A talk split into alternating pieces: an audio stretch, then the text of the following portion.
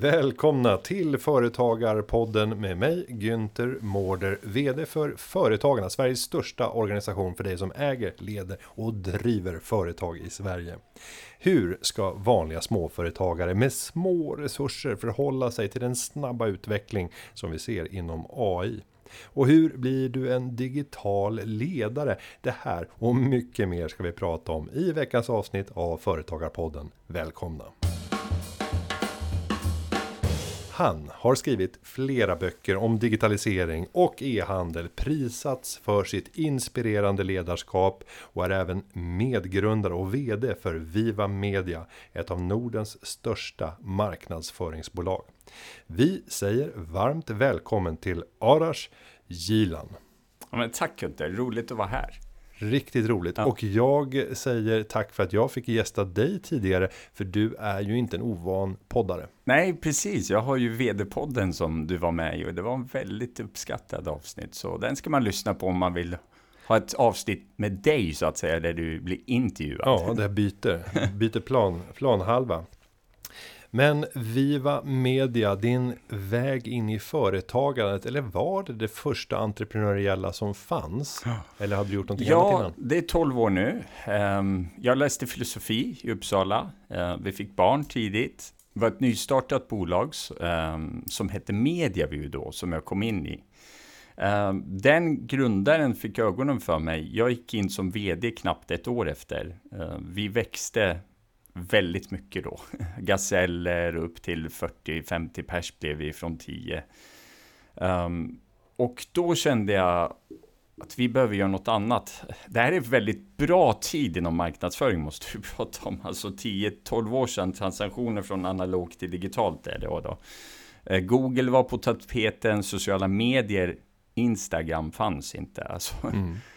Um, så det var en otroligt bra tid för företagande inom digital marknadsföring. Så att säga. Och, och ert erbjudande, det var att hjälpa företag Hjälpa företag, det position. finns mer än gula sidorna, mm. lokaldelen, eh, på den tiden. Då. Eh, det finns något som heter Google, eh, Facebook finns liksom, eller ska ni inte göra en hemsida? Det var till och med på den nivån mm. då i takt med att det breddade sig, det digitala blev liksom mer normativt för företagare, så var det mer så här att um, vi behöver ta hand om fler delar. Vi behöver liksom också sköta sociala medier, Google och allt vad det är och bygga en marknadsföringsbyrå. Och då uppkom idén till eh, Viva. Och vi eh, hade en dialog med en byrå i Kalmar. Så vi slog ihop våra byråer. Eh, och det är nu nio år sedan. Um, och då blev vi Viva Media, helt enkelt. Och idag har ni blivit eh, en eh, gigant i sammanhanget får man säga. För det här är normalt sett en ganska fragmenterad marknad. Det är, det många verkligen. små aktörer. Men eh, om du ska berätta om lite tal för lyssnarna. Ja, vi är drygt 100 personer idag. vi växer. vi finns i Uppsala. Kalmar som jag sa tidigare. Men också startat kontor i Oslo. Um, nästa fas för oss nu är ju att öka självklart kvaliteten på det vi gör, men också växa i andra städer, främst genom förvärv. Uh, så det är den fasen vi är i nu, för att hitta byråer som kan komplettera oss eller utveckla oss i, i andra städer, både i Sverige men också i Norge. Då. Mm. Om vi tittar på den resa som du har gjort så är det säkert eh, Många som någon gång i sitt liv har varit i närheten av en liknande situation. Någon i närheten har startat upp ett bolag, man har börjat diskutera, borde vi köra tillsammans? Ja. De flesta backar ur där och fegar för att man har kanske en trygg anställning eller liknande. Mm. Vad skulle vara ditt råd till den personen som ställs inför en motsvarande möjlighet och förfrågan som du fick där för många år sedan? Det är en jättebra fråga. Jag tror att vi får gå tillbaks till att vi är sociala varelser. Eh, och sociala varelser söker acceptans av gruppen. Vår största farhåga, oavsett vem vi är, är rädsla. Rädsla för att misslyckas, rädsla för att det ska se dumt ut, rädsla för att göra fel oavsett vad liksom och skämma ut sig på ett eller annat sätt. Och jag tror att den största, jag, jag gillar ett av mina absolut favoritcitat är Dag Hammarskjölds Den största resan är inåt. Att tidigt i livet kunna liksom jobba och kämpa mot de demonerna för att våga istället. Och att se livet är inte misstag, utan det är bara lärdomar om det blir någonting som blir fel, så att säga. Och i slutändan så tänker jag om mitt liv att när jag blir gammal och ligger där vid dödsbädden så vill jag liksom ha så få tänk om som möjligt. Tänk om jag hade gjort det. Mm. Tänk om jag hade tagit den chansen. Tänk om, alltså våga och testa. För i slutändan så kan det inte bli fel, för man bara lär sig. Lär sig och lär sig och lär sig och så blir man klokare förhoppningsvis. Och då ska jag göra en liten hypotesprövning på dig. Jag misstänker att du kan peka på en mängd olika tillfällen under din uppväxt där du agerade annorlunda i förhållande till många andra. Vågade ta risker, ibland blev du belönad, ibland straffad. Men du vågade göra det. Stämmer den hypotesen? Ja, det gör det i form av att jag också var tvungen, i form av att vi var politiska flyktingar från Iran.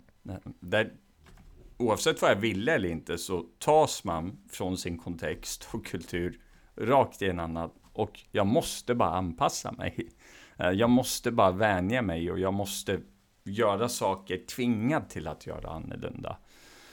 Jag tror det är faktorer också som att man är äldst är bidragande eh, till att ta mycket ansvar. Jag är uppvuxen med en ensamstående mamma, eh, Fått får ta väldigt mycket ansvar eh, tidigt i livet och, och alltså nu ska vi inte gå för djupt in i filosofi, men det finns ju både gener och miljö som påverkar den. Men jag vill inte vara fast i att du är definiera tidigt i vem du ska vara, för det tror jag inte på. Jag tror att alla kan, bara man går ur den här flockmentaliteten och vågar göra saker lite annorlunda. Våga att se dum ut helt enkelt.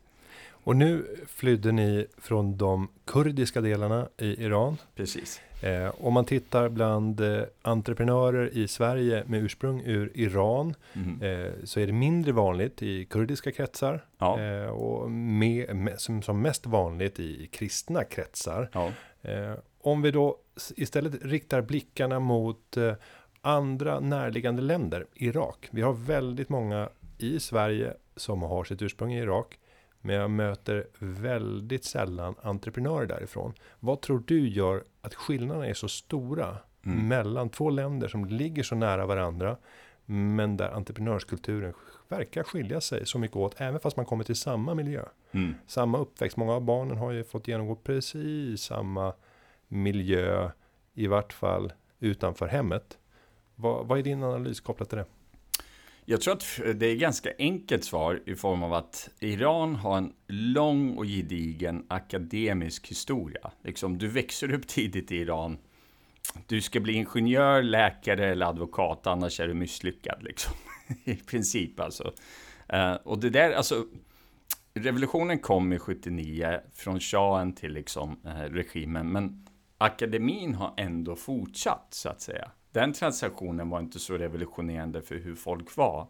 Så det här tidiga, liksom en medel och lite överklass har alltid funnits och är, eh, liksom, vad ska man säga, cementerad i Iran.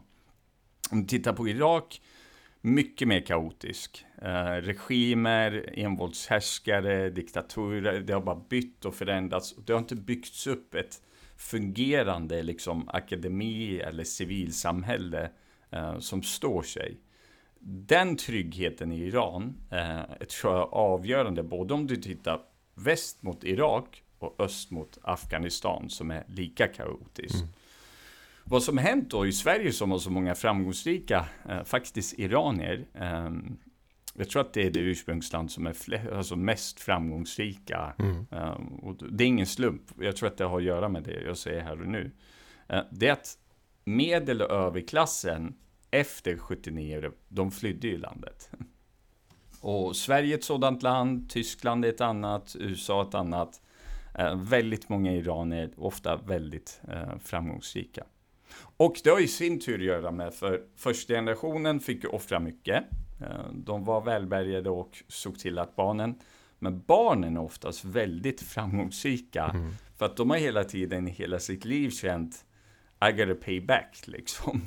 Eh, allt det ni har, om man har fått höra det genom hela livet också. Eh, jag minns en gång P1, ett radioinslag frugan skickade till mig hur psykiskt dåligt många generationsiranier mådde på grund av den här bördan man känner eh, av att det aldrig blir riktigt tillräckligt Mm. av vad familjen har försakat så att jag kan bli framgångsrik, även om många av dem är extremt framgångsrika. Och så tänker jag på det där inställningen till att våga ta risk. Ser man i sin familj att man har stått beredd att offra allt för någonting nytt. Mm. Eh, så borde det vara så att eh, perspektiven vidgas när det kommer till ens egen syn kring vad som är möjligt och omöjligt. Jag försöker hela tiden i min fostran av, av mina barn öppna ögonen Ja. och, och just få eh, det, det bästa som jag kan ge dem. Det är att de tänker att mer är möjligt Ja. än vad de trodde innan. Sen är det oerhört svårt och jag kan inte exemplifiera lika tydligt som, som ni kan göra om man tänker hur stora risker och uppoffringar som ni har gjort tidigare i, i familjen. Jag, jag tänker själv jättemycket på det där. Och prata med, alltså, min barndom säger ju dem ingenting. De kan ju lyssna, men de kan ju inte fatta hur svårt det har varit för mig och mamma att komma och inga pengar, ingenting liksom. Typ leva på SOS i princip och hon jobbar sen hur mycket som helst på äldreboenden. Och de kan aldrig förstå det för de har vuxit upp i pappa företagar vd-världen. De, har allt och lite till. Men sen märker jag inställningen hos mig själv, för jag, jag är inte från en rik familj, men jag har idag väldigt rika vänner eh, som har generationer av rikedom. Vi ser på pengar helt annorlunda. Jag går och tänker hela tiden att jag kommer förlora alla mina pengar. och är väldigt så här pedantiskt och noggrann och spara. Men för dem är pengar så självklart och något liksom något som funnits i generationer och kommer alltid finnas där.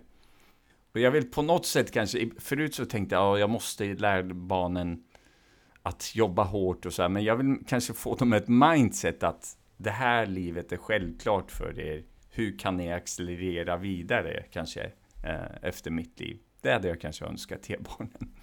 Ja, Förstår du vad jag menar där? absolut. Ja. Och nu, nu håller vi på att glida iväg rätt rejält från det viktiga skälet till att jag har bjudit in dig hit. Och det är ju att utöver att bygga företaget, utöver de fostransdimensioner som vi nu har diskuterat och våra egna tankar kring uppfostran, så har ju du också valt att lägga rätt mycket energi, tid och kraft på att inspirera och sprida kunskap till andra. Mm. Du är på gång med din tredje bok, Fjärde. fjärde Ja. till och med. Ja. Eh, och allting har kretsat kring den digitala revolutionen, Ja. marknadsföring, ledarskap. Eh, och nu senast så ser vi den snabba utvecklingen inom AI. Mm. Och därför skriver du vad då? Jag skriver en bok, en hoppfull bok eh, om AI och konkret för företagare och ledare till hur man applicerar det här i sitt ledarskap och liksom vad det innebär och vad man behöver göra helt enkelt. För att vi ska kunna dö med ett leende. För vi har fått lära oss här i sommar av Max Tegmark att vi alla kommer att gå mot jordens undergång. Eh, och vi har orsakat det här själva. Du har en annan bild. För er som inte har lyssnat på hans sommarprat så är det en väldigt dystopisk bild som målas upp. Ja, ehm, får vi vara lite hobbypsykologer här, eller Absolut. filosofer? Här? Absolut. Så jag tycker det här är ganska viktigt om, om hur, hur vi ser på AI speglar vår livsfilosofi i grund och botten.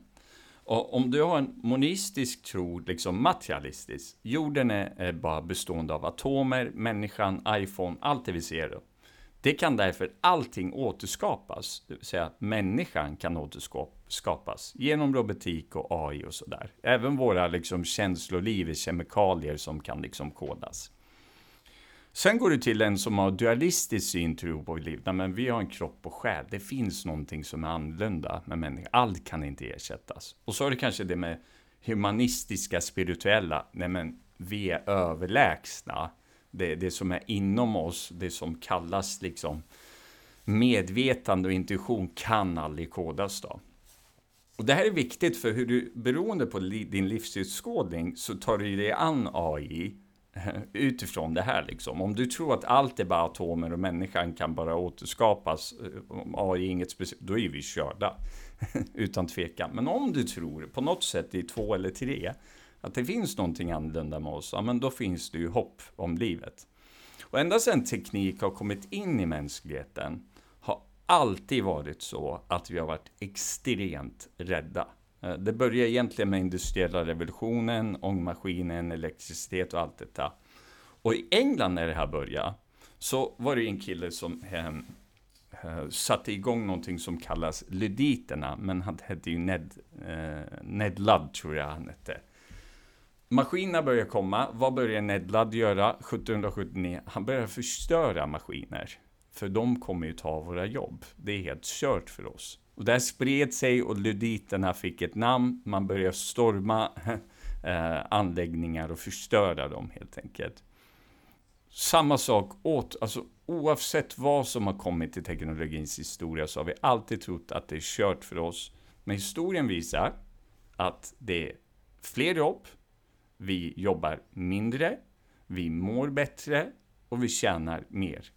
Och jag vet inte riktigt, jag har inte riktigt sett någon data eller evidens som kan övertyga mig om varför det skulle vara så otroligt annorlunda eh, med AI eh, denna gång. Allt är hypoteser och det är för mig en som Max Tegmark som är forskare kan vara så otroligt spekulativ kring framtiden utan någon form av evidens eller liksom vetenskap bakom det han säger egentligen.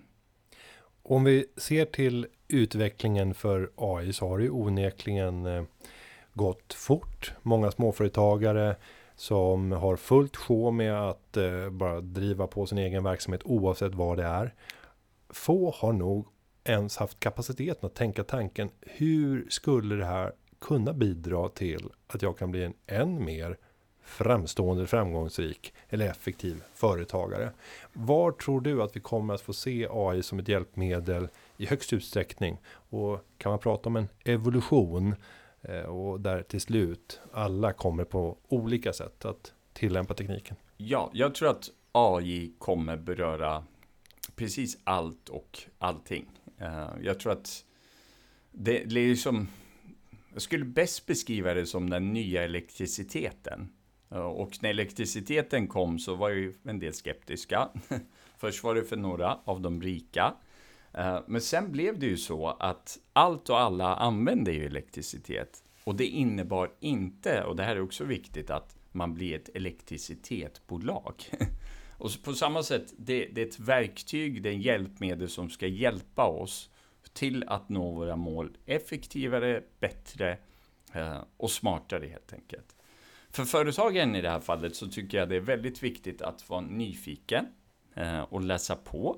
Eh, vad är AI? Hur funkar det? Jag skulle rekommendera alla att gå in, googla OpenAI, öppna ett konto på ChatGPT och börja prata eh, med deras generativa AI. För jag kan lova dig, om du inte har gjort det innan och du börjar ställa lite frågor och ha en dialog med den, så kommer det kännas som någonting du inte upplevt innan. Det är som det där gången vi försökte använda internet eller Napster med musik online. Du vet, det är de där momentsen, alltså de mm. där tillfällena i livet så wow, det här är något annorlunda. Alltså. Uh, det skulle jag göra. Och sen börja tänka och fråga AI. Jag jobbar inom den här branschen. Så här stort är mitt bolag. Det här gör vi. Uh, på vilket sätt kan AI eh, hjälpa mig? Det, det, är helt otroligt. Man kommer bli mindblown, jag lovar det. Mm. Och det är ju svårt att förutspå vad som kommer att hända framåt. Men väldigt många jobb kommer att förändra skepnad. Ja. Vi har ju lagt ner oerhört mycket tid och resurser på att fostra människor att lära sig ett regelverk på högre lärosäten. Och sen ska man hela livet tillämpa det här regelverket och göra det med perfektion. Och sen händer det uppdateringar i regelverket och då ska man hålla sig ajour med det. Den här typen av jobb, även språk är ju sett i en kommunikativ eh, mening där vi inte ska beröra utan mm. informera, så är det ett regelverk.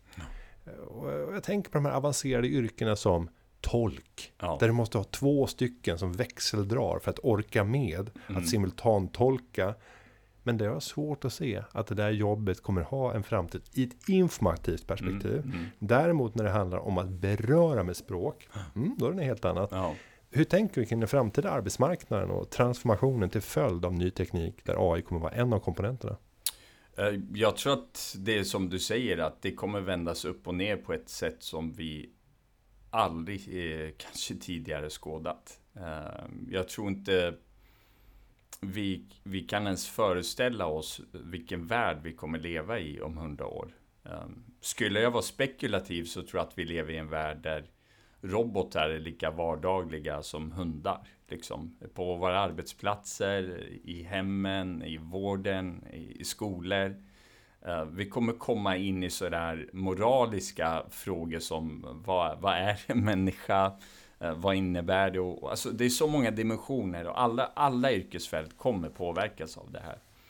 Men min tes i allt detta är då att vad teknik gör, att desto mer till teknik vi tillför denna värld, desto mer behövs det av det som är genuint att vara människa. Alltså går du tillbaks 100 och 200 år, det var inte så härligt att vara arbetare eh, vid den tiden. Det var slitsamt, man mådde inte bra, Uh, usla förhållanden, usla eh, villkor, Uh, många dog liksom. Men vad teknik har främjat att vi mår allt bättre för vi slipper de här jobbiga sakerna. Och det som är det sanna inom oss och det som innebär att vara människa uh, får komma fram uh, ännu mer. Och det är det jag ser i nästa skeende nu för oss. Alltså, i en värld som blir allt mer digitaliserad så ökar ju värdet på det som inte kan eh, digitaliseras. Eh, och de värdena som gör oss unika intuitionen, kreativiteten, ehm, kärleken, förmågan att se kontext och samband och, eh, och, och, jobba tillsammans. Det kommer det behövas mycket, mycket mer av. Och om vi tänker på den tekniska utvecklingen så finns ju hela tiden drömmen om att varje ny typ av applikation eller teknisk utrustning som vi skaffar oss ska ge en ytterligare kraft, öka vår effektivitet, få oss att kunna göra, fatta bättre beslut eller arbeta bättre. Om vi tittar på svensk produktivitetsutveckling eller produktivitetsutveckling i världen i stort mm. Mm. Eh, och sen jämför vi då industri med tjänstesektorn så är det framförallt tjänstesektorn där du kan se att det har varit en enorm förändring. Inom industrin fanns redan maskiner. De har för, för, förbättrats och förfinats.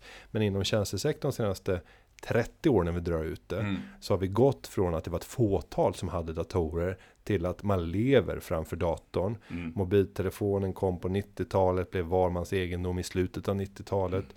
Nu är det 25 år senare. Mm. Och nu är det flera enheter. Det är en avancerad dator trots alla de här fantastiska tekniska hjälpmedlen så ser vi inte någon brant utveckling mm. för produktiviteten inom tjänstesektorn. Mm.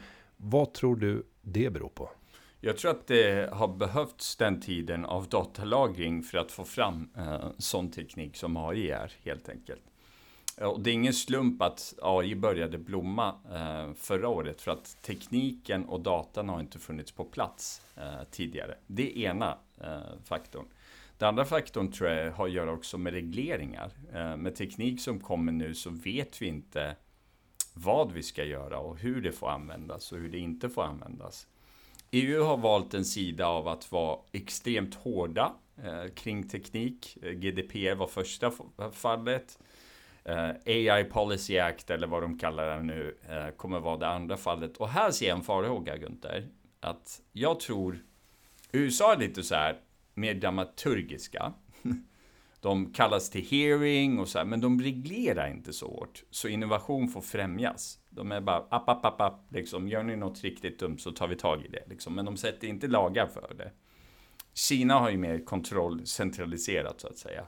Men i Europa så har vi en förmåga att reglera sönder så att innovationskraften försvinner. Och jag är rädd för att vi blir lite stuck in between. Jag skulle tippa, och jag ser redan tecken på det, att eh, UK tar en annan väg. Kom till oss. Här får ni tänka nytt. Här får ni skapa. Talanger, innovation och företagande från Europa kommer förflyttas dit. En liten spaning kanske. Vi ser ju digitala tjänster som nu lanseras i världen och där vi förpassas till åskådarläktaren. Jag tänker nu senast på Threads jag vet inte om, om det var kopplat till just GDPR. Det är helt kopplat till. Ja, som ja. väljer, gör att man känner att nej, men här kan inte vi korsgöra datan på det sättet som vi behöver för att kunna lansera tjänsten. Ja. Därför så avvaktar vi. Man får någon miljardbot liksom. Mm. Och det är där vi har hamnat. Ingen kan riktigt svara på vad GDPR gör för skillnad för våra liv. Mm.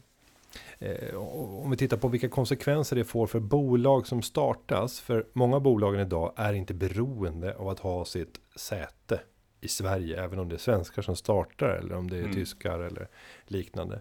Vad tror du kommer vara de, de mer framstående företagarnationer när man väljer att ha sitt säte ungefär som att man i precis som man i USA alltid väljer att registrera sina bolag i Delaware mm. för att det är bra lagstiftning för bolag. Så vilka är de platserna för framtiden ser du som skulle kunna ha en stark tilldragelse för företagare som tänker globalt och mycket teknikinnehåll? USA kommer fortsätta uh, vara där på grund av den teknikhubb som redan finns där. Ehm, jag tror inte EU, EU eh, kommer ha samma kraft, för det finns en skeptisk och hat inom techsektorn mot hur eh, EU reglerar. Ja, som jag sa, jag tror att UK kommer positionera sig starkt. De är första i världen som tillsatt en AI-minister också eh, och försöker sammankalla till ett råd kring AI globalt. Kina eh, och sen inte minst eh, den stora uppstickaren tror jag kommer vara Indien faktiskt. Eh, Indien kommer vara en enorm techsektor och maktfaktor i världen framgent och är världens största nation sett till befolkningen nu då. Och jag tror, många tror ju också att Indien kommer vara det nya Kina nu de 30-40 år vi har framför oss. Det är spännande att fundera över de här frågorna, men om vi ska ta oss ner till den eh, vanliga företagaren i Sverige, om man nu kan tala om det, det är ju en, en otrolig bredd i, i företagandet.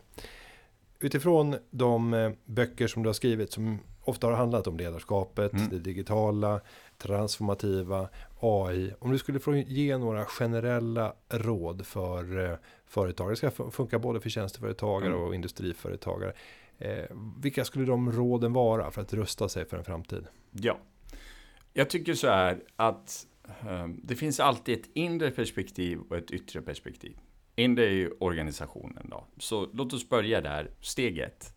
Ägarskapet, ledningen, ledarskapet. Här börjar allting. Ta AI eller någon annan teknikskifte. Tror vi på detta? Ser vi det som ett buzzword? Är det på allvar? Vad kommer det innebära för oss? Sätt er in i frågan. Och i mitt fall och min övertygelse, det är på allvar. Eh, kommer ni inte ta tag i det här så kommer ni att bli omsprungna. Ni måste börja formulera en vision och en tanke om vad det här innebär för er. Steg två i det inre, organisationen. Hur tillämpar vi detta inom organisationen? Eh, kan vi få folk att börja använda olika AI-verktyg? Hur ska det användas? Hur kan det hjälpa oss att bli effektivare? Hur kan det hjälpa oss att liksom bli mer kundvänliga och allt det där. Inre perspektivet, tillsätt ett råd, använd er hjärn, liksom kapacitet. Sen kommer vi till yttre perspektivet och det kommer beröra, AI kommer beröra affärsmodell, kundbemötande, marknadsföring. På vilket sätt? Eh, hur ska vi göra? Vad behöver vi göra om? Vad gör de som har kommit längre än oss? Vad är de som är branschledande? Och fjärde steget, utvärdera och tänka om och tänka nytt. Det vill säga att det händer så mycket nu runt där.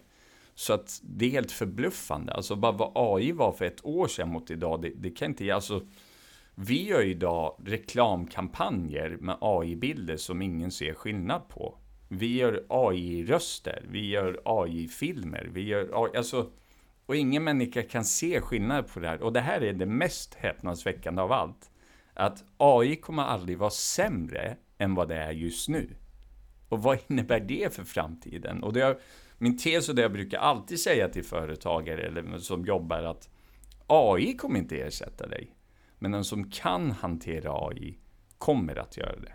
Mm. Så inre perspektivet, yttre perspektivet. För dig som är företagare, vad är planen? För om inte du har någon så kommer någon annan springa om dig. Och det här kräver ju nyfikenhet. Vi har Enormt. varit inne på det tidigare. Och jag ska ju vara ärlig med mig själv och jag vet inte om du ger medhåll. Alltså min min nyfikenhet dämpas lite med åren. Jag skulle säga att jag var mer nyfiken och eager för 10-15 år sedan än vad jag är idag. Och jag tycker även när jag tittar på den generation som är äldre än jag själv så är de rätt bekväma. Och Mm. jag är rädd att jag är på väg dit också. Hur ska man göra för, för oss som känner att eh, shit, vi måste mata den här nyfikenheten för att hålla oss ajour. Eh, ska vi förvärva oss till den där kunskapen genom att anställa personer som är eh, väsentligt yngre än, än oss själva? Mm. Eller finns det något botmedel mot det minskande intresset för att ta del av nya tankar och förändra sitt liv? Jag tror så här, det, det är gammal visdom att vi, vi lever så länge vi lär oss. Och på ett eller annat sätt behöver vi alltid, för det är inget konstigt att med åldern så cementeras vi och tycka att vi har all, all figured out liksom. Men vi behöver hela tiden spränga våra tankar och väcka eh, vår nyfikenhet. Lust tror jag är en viktig grej. Att, att till exempel, jag, jag visade eh, ChatGPT för min svärfar. Och han är helt fast. Och han benämnde det som kaninhål. Alltså det här är så roligt och han börjar gå in på konspirationsgrejer och prata om dem. Alltså det är som att få tillgång till någon så människa. Och det väcker någonting. Den lusten är otroligt viktig för nyfikenhet. Andra sätt för att främja det är att umgås, jag brukar säga skaffa en digital mentor. Och med en digital mentor, alltså max 18 år gammal. Eh, ha fika ibland och bara ha utbyte. Vad spelar de för spel? Vad tittar de på på YouTube? Vilka följer de? Vad är det som händer inom den sfär, så att säga? Tredje, ett praktiskt sätt att se över dina rutiner och våga vara lite mer slumpartad. Se någon film som du bara tar på måfå. Lyssna på lite annan musik. Öppna någon bok som du aldrig skulle öppnat. Se någon citat och liksom vad kom till dig så att säga? Alltså på ett eller annat sätt måste vi hela tiden gå mot cementeringen och spränga upp liksom vår idévärld. För takten av förändring nu är, ja men det är faktiskt helt galet. Eh, Det är jätteviktigt. Och jag tänker det, det du beskriver handlar ju om att utmana det bekväma nuläget som Ja. vi väl känner till. Det finns ju så många små handlingar i vår vardag vi kan göra som kan synas vara obetydliga men som utmanar det bekväma och det bekräftade och det tyst överenskomna. Ta till exempel bara er placering kring bordet hemma Ja, matsalen eller i Mm. köket. Ta en annan plats än den du brukar. Vad är det som händer? Ta ett samtal om det. När du beger dig, eller när du ska äta frukost. Ta en helt annan frukost. Vad händer nu? Fundera kring frågan. När du ska ta dig till ditt arbete eller studier eller dina aktiviteter. Välj en annan väg. ja, Alltså att bara göra små saker som egentligen inte tar någon mer tid. När du kommer till en arbetsplats eller till, till studier. Ta en plats där någon annan brukar sitta. Se vad som händer. För ett samtal kring det. Och ganska snabbt kommer man se att vi är ju vanetörstande. Och extremt. söker efter de här trygga miljöerna. Och ställ då motfrågan. Tror jag att det här vanebeteendet leder till att jag öppnar sinnen, tänker nya tankar, utmanar mig, vågar ta risker? Eller kan det möjligtvis till och med vara tvärtom? Jag, jag, ger, Ja, inte, jag ligger- ger inte svar på frågan. Nej, men det ligger så mycket i det där. Vane, autopiloten kör vi också när vi driver företag. Ja. Vi gör saker som vi alltid gjort för vi vet vad vi får. Mm. Och sen förväntar vi oss plötsligt annorlunda resultat.